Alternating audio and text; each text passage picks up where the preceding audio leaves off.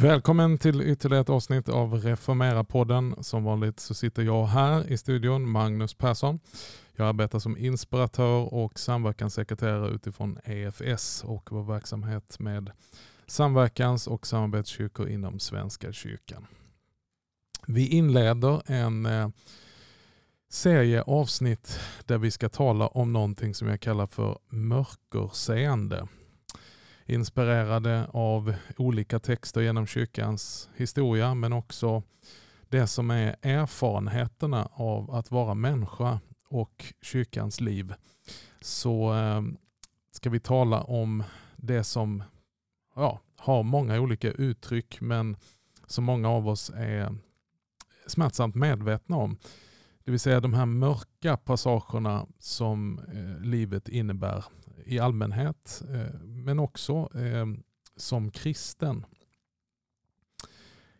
Kristna människor undviker inte eh, det som innebär lidande, det som innebär prövning av olika slag, men också det som kan framstå som depressiva perioder, känsla av tomhet, meningslöshet, en andlig kamp men som kanske inte är så dramatisk utan mer sega perioder.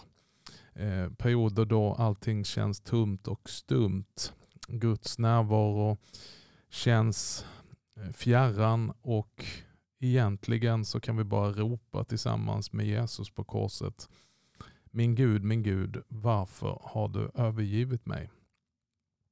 Det är en erfarenhet som vi delar med många kristna bröder och systrar som de kan vittna om och berätta om som har gått före oss genom hela kyrkans och gudsfolkets historia. Och eh, vi ska ta oss an den frågan under ett antal avsnitt här i Reformera-podden.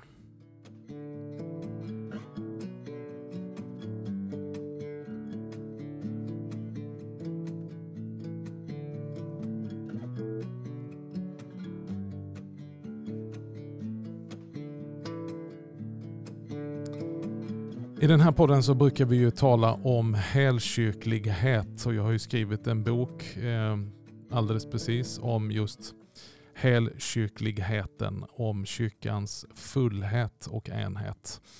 Och I de sammanhangen när vi talar om helkyrklighet så brukar jag ju eh, utgå ifrån Efesierbrevet 3 och 18 där det står att bara tillsammans med alla de heliga kan vi förstå och få insyn i både höjden och djupet, bredden och längden. När jag talar om helkyrklighet i många olika sammanhang så brukar jag lite tillspetsat och väldigt generaliserat tala om olika typer av kyrkotraditioner som antingen på bekostnad av allt annat odlar den andliga höjden på bekostnaden av att också betona djupet det som eh, går ända ner i den jordiska tillvaron att vara människa och det känns väldigt andligt. Sen kan du hitta kyrkotraditioner som snarare har övergett det himmelska, det andliga, eh, höjderna uppe på förklaringsberget och väldigt mycket fokusera på detta enbart med att vara människa och lidande och orättvisor.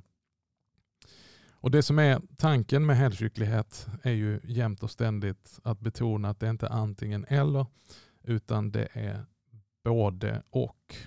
Och utifrån det här perspektivet som vi ska ägna några avsnitt åt, som jag kallar för mörkerseende, så skulle jag vilja säga att just det viktiga med att låta sig berikas av olika traditioner, det är för att inte bara hamna på bergstoppen eller nere i den mörka dödsskuggans dal. Att inte bara ha bredden utan spets utan också ha längden men inte på bekostnad av bredden.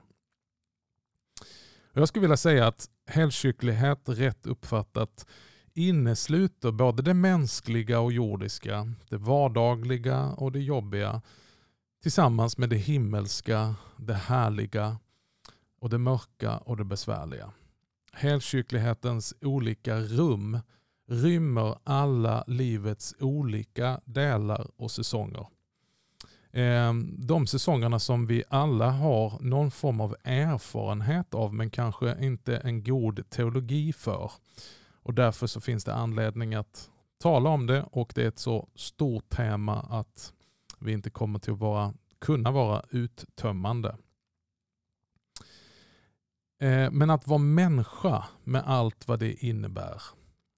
Det är möjligt i det vi kallar för helkyrklighet och jag tror att det är det är någonting som vi inte vill göra avkall på. Eh, det fanns en gammal dansk teolog, en stor demokrat och, och politisk reformator i Danmark på 1800-talet, Grundtvig. Han har blivit känd som, för ett citat som lyder ungefär så här. Först människa, sedan kristen. Med det vill han betona att som kristna så slutar vi inte vara människor utan först av allt så är vi skapade av Gud till att vara människor. Skapade till att reflektera hans bild och leva i skapelsen.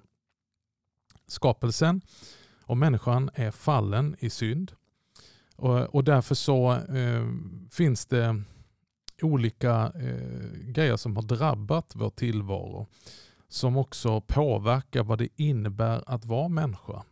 Olika tider har sina olika utmaningar, olika samhällen och olika säsonger i en människas liv. Och Därför är det viktigt att ställa sig den frågan när man kommer till kyrklig gemenskap och kyrklig verksamhet. Att vara del av en kristen gemenskap, går det att vara människa här? Och En av de frågorna som engagerar mig med helkyrklighet är just att det ska vara rymligt och möjligt i helkyrkligheten att vara just människa. Vi tenderar ju som jag sa innan att antingen betona höjden eller djupet. Härligheten eller besvärligheten. Men som jag sa, det är alltså inte antingen eller utan det är både och. Och Jesus han rör sig och verkar både i det höga och det låga. Både i det himmelska och det jordiska, alltså både på höjden och på djupet. I psalm 139 så kan vi läsa det uttryckligen när David vittnar och säger Stiger jag upp till himlen så är du där. Och bäddar jag åt mig i dödsriket, då är du också där. Och så säger han någonting sen i vers 12 i psalm 139. Mörkret är inte mörkt för dig. Och Det är en stor tröst. En tröst i att kunna läsa om giganter på Bibelns blad som vi gärna beskriver som trons hjältar. Kanske inte minst David. Vi vet att Davids liv var dubbelsidigt. Å ena sidan så har han vittnesbördet från Gud själv att jag har funnit en man efter mitt eget hjärta. Å andra sidan så ser vi i hans självporträtt och hans utlämnande texter mycket ångest och mycket passager av mörker, av skuld, skam, synd, andlig kamp, övergivenhet. Och Bara detta att läsa att andra har gjort den erfarenheten och satt ord på det kan bli till tröst och kan bli till hjälp för oss kristna idag 2023 som också går igenom passager och säsonger som präglas mer av mörker än av ljus. Men att då få ta till sig dessa ord där David säger att i himlen, ja, där kan jag möta dig på de andliga höjderna. Men även detta radikala att bäddar jag åt mig i dödsriket så är du också där. För mörkret jag upplever, det är inte mörkt för dig, Herre.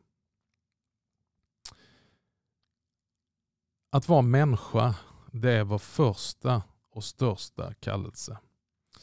Men att vara människa, det är ju dubbelbottnat för oss, precis som för David. Vi bär med oss dubbla avtryck i vårt liv. Både det avtrycket som skiner igenom att vi är Guds avbilder. Skapelsens höghet och härlighet lyser fortfarande fram när man tittar på människor.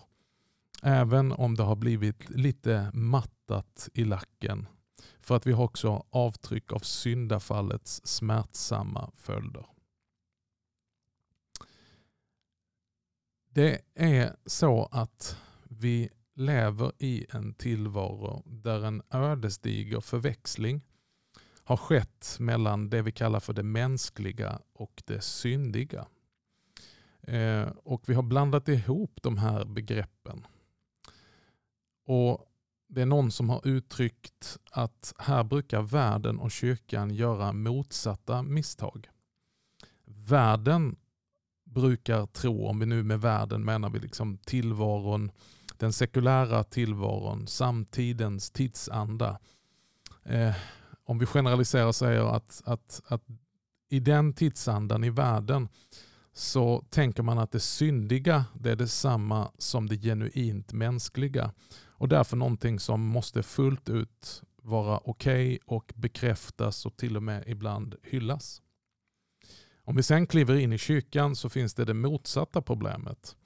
Att i vissa kyrkliga sammanhang som vi kanske har erfarenhet av, och jag generaliserar, så verkar vi tro tvärtom att det mänskliga är detsamma som det syndiga och därför inte okej. Okay. Så att i en rädsla för att bekräfta synden så bekräftar man inte det som helt enkelt är bara en del av att vara en människa. Skapad till Guds avbild men också drabbad av syndafallet. Och Problemet med de här synsätten, vilket vi än talar om, tidsandan eller världens och kyrkans, det leder att människor far illa, blir förvirrade och ytterst sett så blir ju evangeliet förvrängt. Synden deformerar oss till omänsklighet så att synden kan aldrig hyllas. Eh, vi behöver ha ständigt bearbeta vad det är som vi kallar för synder. Vi behöver tränga igenom syndakatalogens upprepningar av olika saker till att tränga in i det som är viktigast att diskutera, nämligen syndens djupaste kärna. Så medan synden deformerar oss till omänsklighet så vill den försoning som Jesus Kristus har utfört och fullbordat för oss genom den heliga andes pågående verk reformera oss och vår mänsklighet till gudslikhet. Och Gud möter oss ständigt i och genom det mänskliga det jordiska, i det vardagliga. Skaparen rör vid oss genom det skapade, genom materia, genom eh, andra människor. Och det är inte bara andligheten inboxat i ett smalt utrymme eh, utan också i själva verkligheten som vi har en kontaktpunkt mot Gud.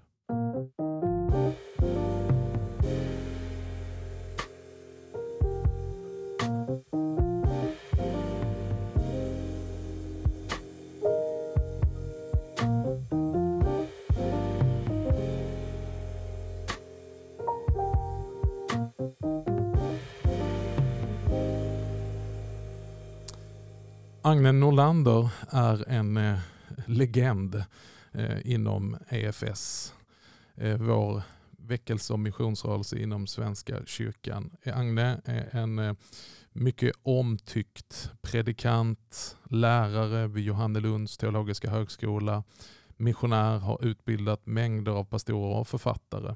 Och redan 1989 så skrev han en bok som har kommit att bli en klassiker. Absolut inom vårt sammanhang EFS men också långt utanför.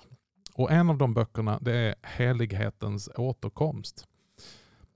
Och Det är befriande, det är läkande, det är tröstande och uppmuntrande att när Agne tar sig an detta ämne som handlar om helighet och helighetens återkomst så ägnar han också en hel del texter åt det som vi skulle kunna kalla för verklighet. Att helighet det är inte någonting som tar plats någon annanstans i enbart avskildhet. Avskildhet behövs. Vi är uppmanade att gå in i vår kammare, att ha perioder då vi avskiljer oss. Men för att bli rustade för att leva i verkligheten. Det handlar inte om att förneka verkligheten eller mänskligheten. Och Han skriver, jag citerar från sidan 187. Jag har i varje fall hittills inte funnit någon teologi som hjälper oss att se varje tumbredd av aktivitet, varje sekund av tiden, varje dimension av mänskligt liv i ett gudomligt perspektiv som just Luthers teologi. Vi får genom den hjälp att återerövra verkligheten och se oss omslutna på alla sidor av den evige. Agne Norlander i Helighetens återkomst, sidan 187. Varför då detta citat? Jo, ibland så framställs det ju som att själva verkligheten är problemet. Eh, vardagens olika eh, omständigheter, tillvaron i sig själv, det är ett hinder för att möta Gud och leva för Gud och erfara Gud. Och att vi istället ibland behöver fly undan verkligheten in i någon slags konstlad frumhet eller andlighet. Men detta ställs på ända då vi får möta Sonen inkarnerad i kött och blod. Alltså Jesus Kristus. En av personerna i treenigheten. Guds egen son, vår frälsare. Han tar plats mitt i vår fallna skapelse, ikläder sig kött och blod, blir människa och vi möter honom precis där vi är. Han vandrar på våra gator, han går in under tillvarons ibland knepiga villkor och han får känna av precis allt det vi får känna av vad det innebär att vara människa. Ett nedstigande som beskrivs i Kristushymnen i Filipperbrevets andra kapitel. Och Kristus han gör sig känd för oss mitt i detta lilla. Han kommer till oss född i en krubba. Han växer upp i Maria och Josefs hem. Och han eh, tar del av mänskliga verk, eh, villkor och, och, den mänskliga verkligheten. Och gång på gång så får vi vittnesbördet om att han gör sig känd. Inte bara genom det stora, svulstliga, genom det fantastiska och övermänskliga, utan också i det bristfälliga, i det söndriga, i det lilla, i det svaga och det föraktade. Paulus förklarar korsets dårskap och säger att det som ingenting var, det utvalde Gud. Det som var av föraktat av världen, det som var betraktat som litet och ovärdigt, det lyfte Kristus upp. Och så fortsätter han komma till oss. I inkarnationen så kommer han till oss i kött och blod, vilket var ogripbart och, och, och, och svårt att ta in för sin samtid och säkert för vår tid också. Gud har blivit människa. Gud har tagit plats och blivit en av oss och gått in under de mänskliga villkoren. Han har blivit kött och blod och på samma sätt fortsätter han att komma till oss i och genom det skapade, genom ord talade av bristfälliga människor. Nedtecknat genom den heliga Andes inspiration i helig skrift, Guds ord, som sen predikas av bristfälliga predikanter, kvinnor och män. Och det som är skapelsens röstvibrationer förmedlar Guds levande och verksamma ord. Han möter oss i vatten, i dopets vatten. Eh, vi har talat om det tidigare här att det är inte bara vatten utan det är vatten som är omgivet av Guds ord och Guds löfte. Han kommer till oss i vin och bröd. Detta är mitt blod utgjutet för dig. Detta är min kropp utgiven för dig till syndernas förlåtelse. Så här har vi en kontaktpunkt med Gud i det alldeles konkreta och materiella som har med verkligheten att göra. Vi vet att i urkyrkan och redan på Nya Testamentets tid så fanns det en kamp mot det som hade gnostiska drag, det vill säga överandliga eh, drag. Och Johannes han skriver i sitt första brev i det fjärde kapitlet och andra versen. Så känner ni igen Guds ande. Varje ande som bekänner att Jesus Kristus har kommit i köttet, den är från Gud. Så vi skulle kunna säga att begränsa Guds närvaro och verk till enbart en högoktanig andlig sfär. Det är att gå antikrists ärende och förfalla till gnosticism. Gud har i sonen, Jesus Kristus, stigit ner och försonat med sig själv himmel och jord, upprättat det skapade och genom det skapade uppenbarar och förmedlar han sig själv i det levande ordet, sonen som har blivit kött och blod.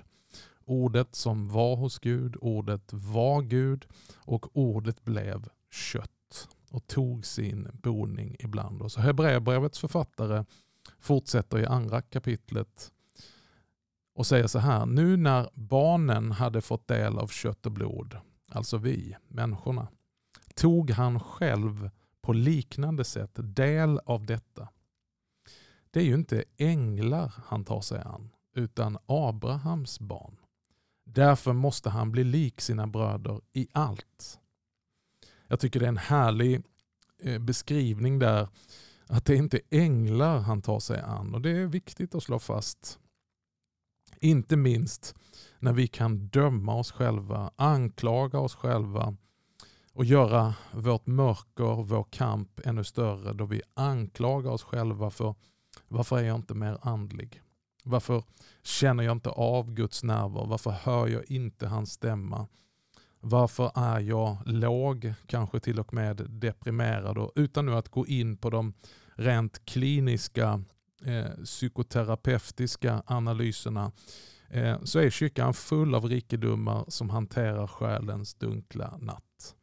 Och då slår han an det, nej men det är inte änglar han kommer för att ta sig an, utan Abrahams barn. Vi som är barn eh, till både Abraham och Adam.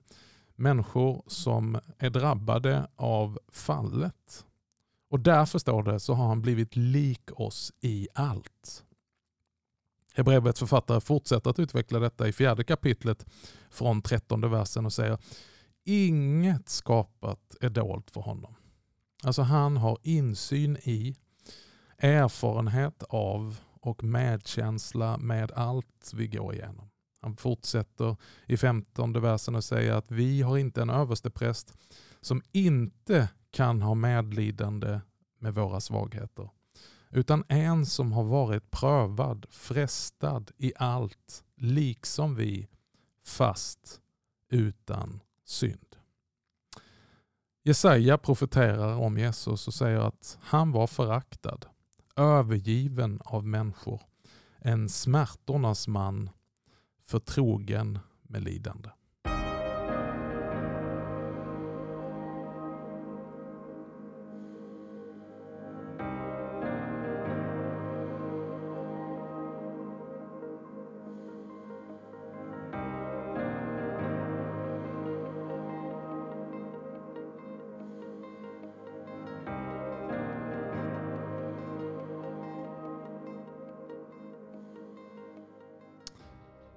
I det jag kallar för helkyrklighet så är vi ute efter att få med oss helheten och fullheten istället för att förfalla till ensidigheter.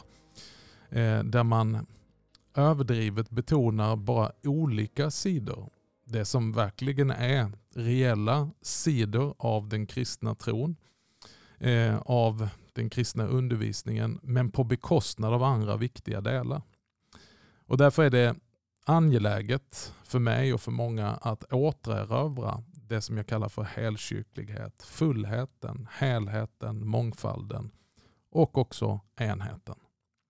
Och helkyrkligheten är inte främmande för lidande och smärta, mörker och själens dunkla natt, depressioner och diagnoser, tumhet och övergivenhet, synder, skam och skandaler.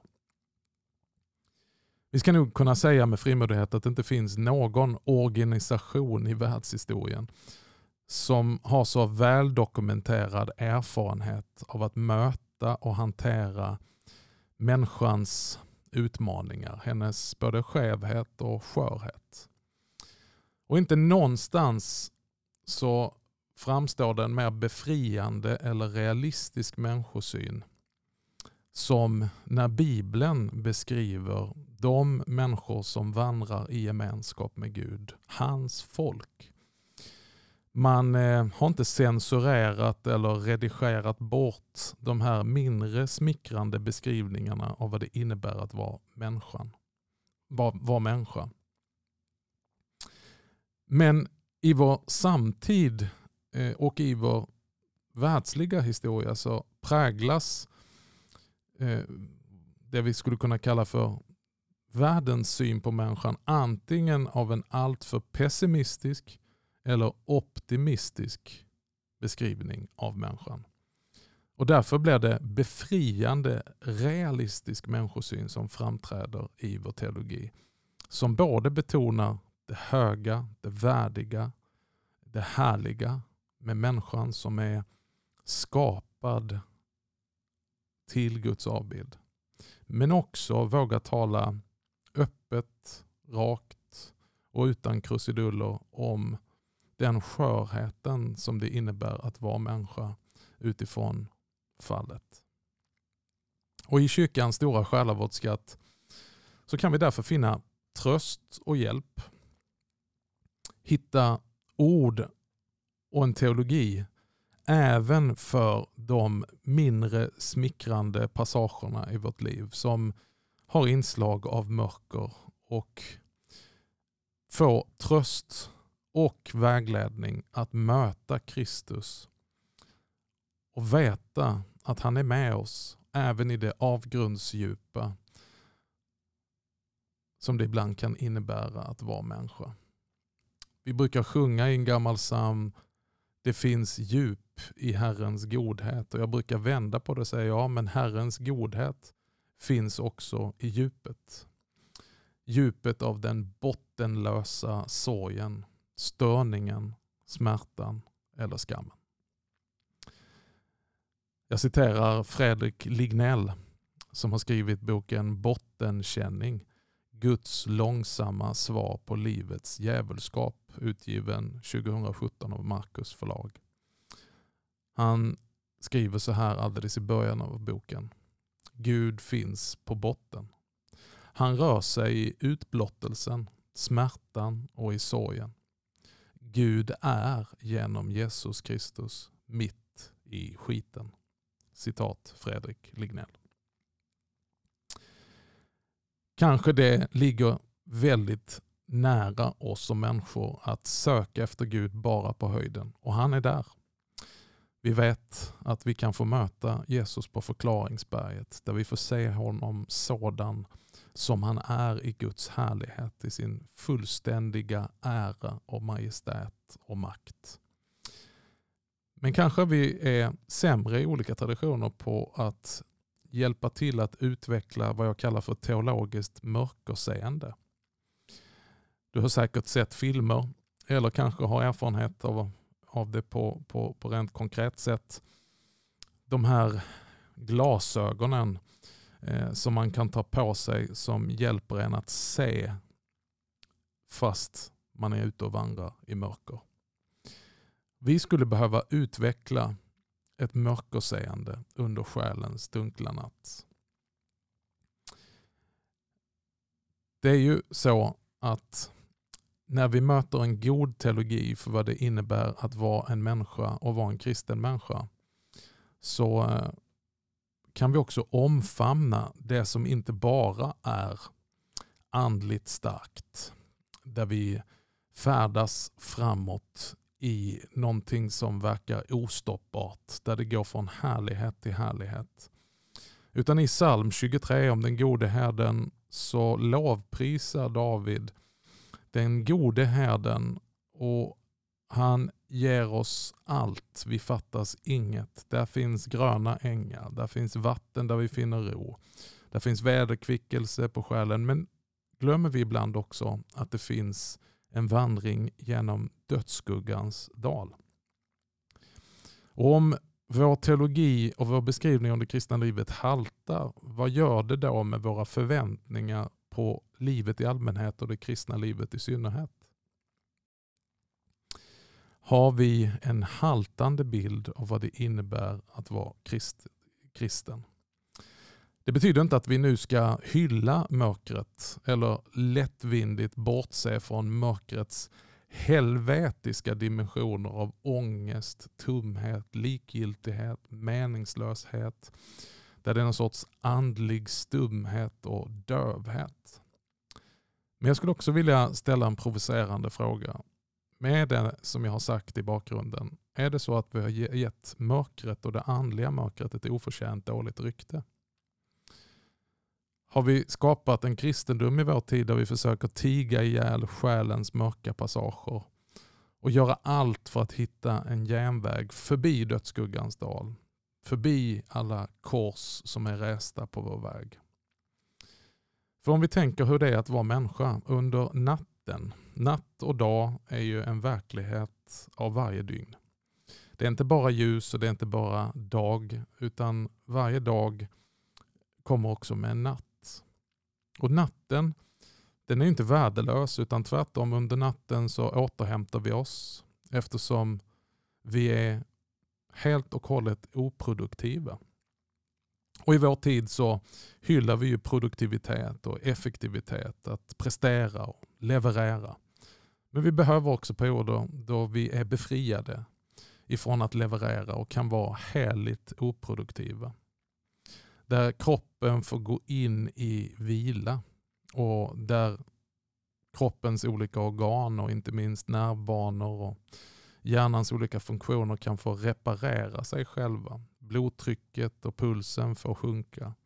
Musklerna får slappna av istället för att vara ständigt spända. Och minnen och intryck och händelser får bearbetas. Och nya celler, celler får bildas och ersätta gamla utnötta. Vi har ju också det i naturen. Jorden ligger stora delar av året i träda under vinterhalvåret. Täckt kanske, i vissa delar i alla fall av världen, av snö, ett lager av snö. Det är tjäle i marken, det känner vi till här i Sverige. Den är helt stum om du har försökt gräva ett hål i en mark som eh, ligger i tjäle och, och, är frusen så vet du att den är helt stum och den är helt hård. Det är en stängd yta, den kan inte ta emot någonting, det går inte att så någonting. Men det betyder inte att den är död, utan det pågår någonting djupt där nere i jordens innandöme som blotta ögat inte kan se eller ana.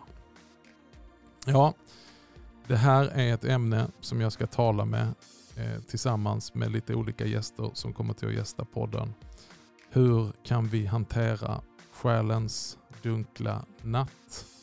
Hur kan vi hantera olika passager som vi har erfarenhet av eh, genom dödsskuggans dal?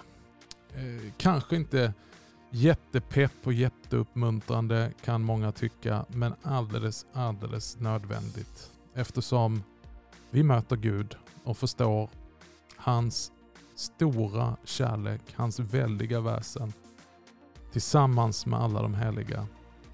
Då får vi insyn, inte bara i höjden utan också i djupet. För om jag far upp till himlen så möter jag dig där. Men om jag bäddar åt mig i dödsriket så är du även där. Och ljuset lyser i mörkret och mörkret har ingen makt över ljuset. Välkommen att hänga med oss på den här serien om andligt mörkerseende. Tack ska du ha för att du har lyssnat till Reformera-podden idag.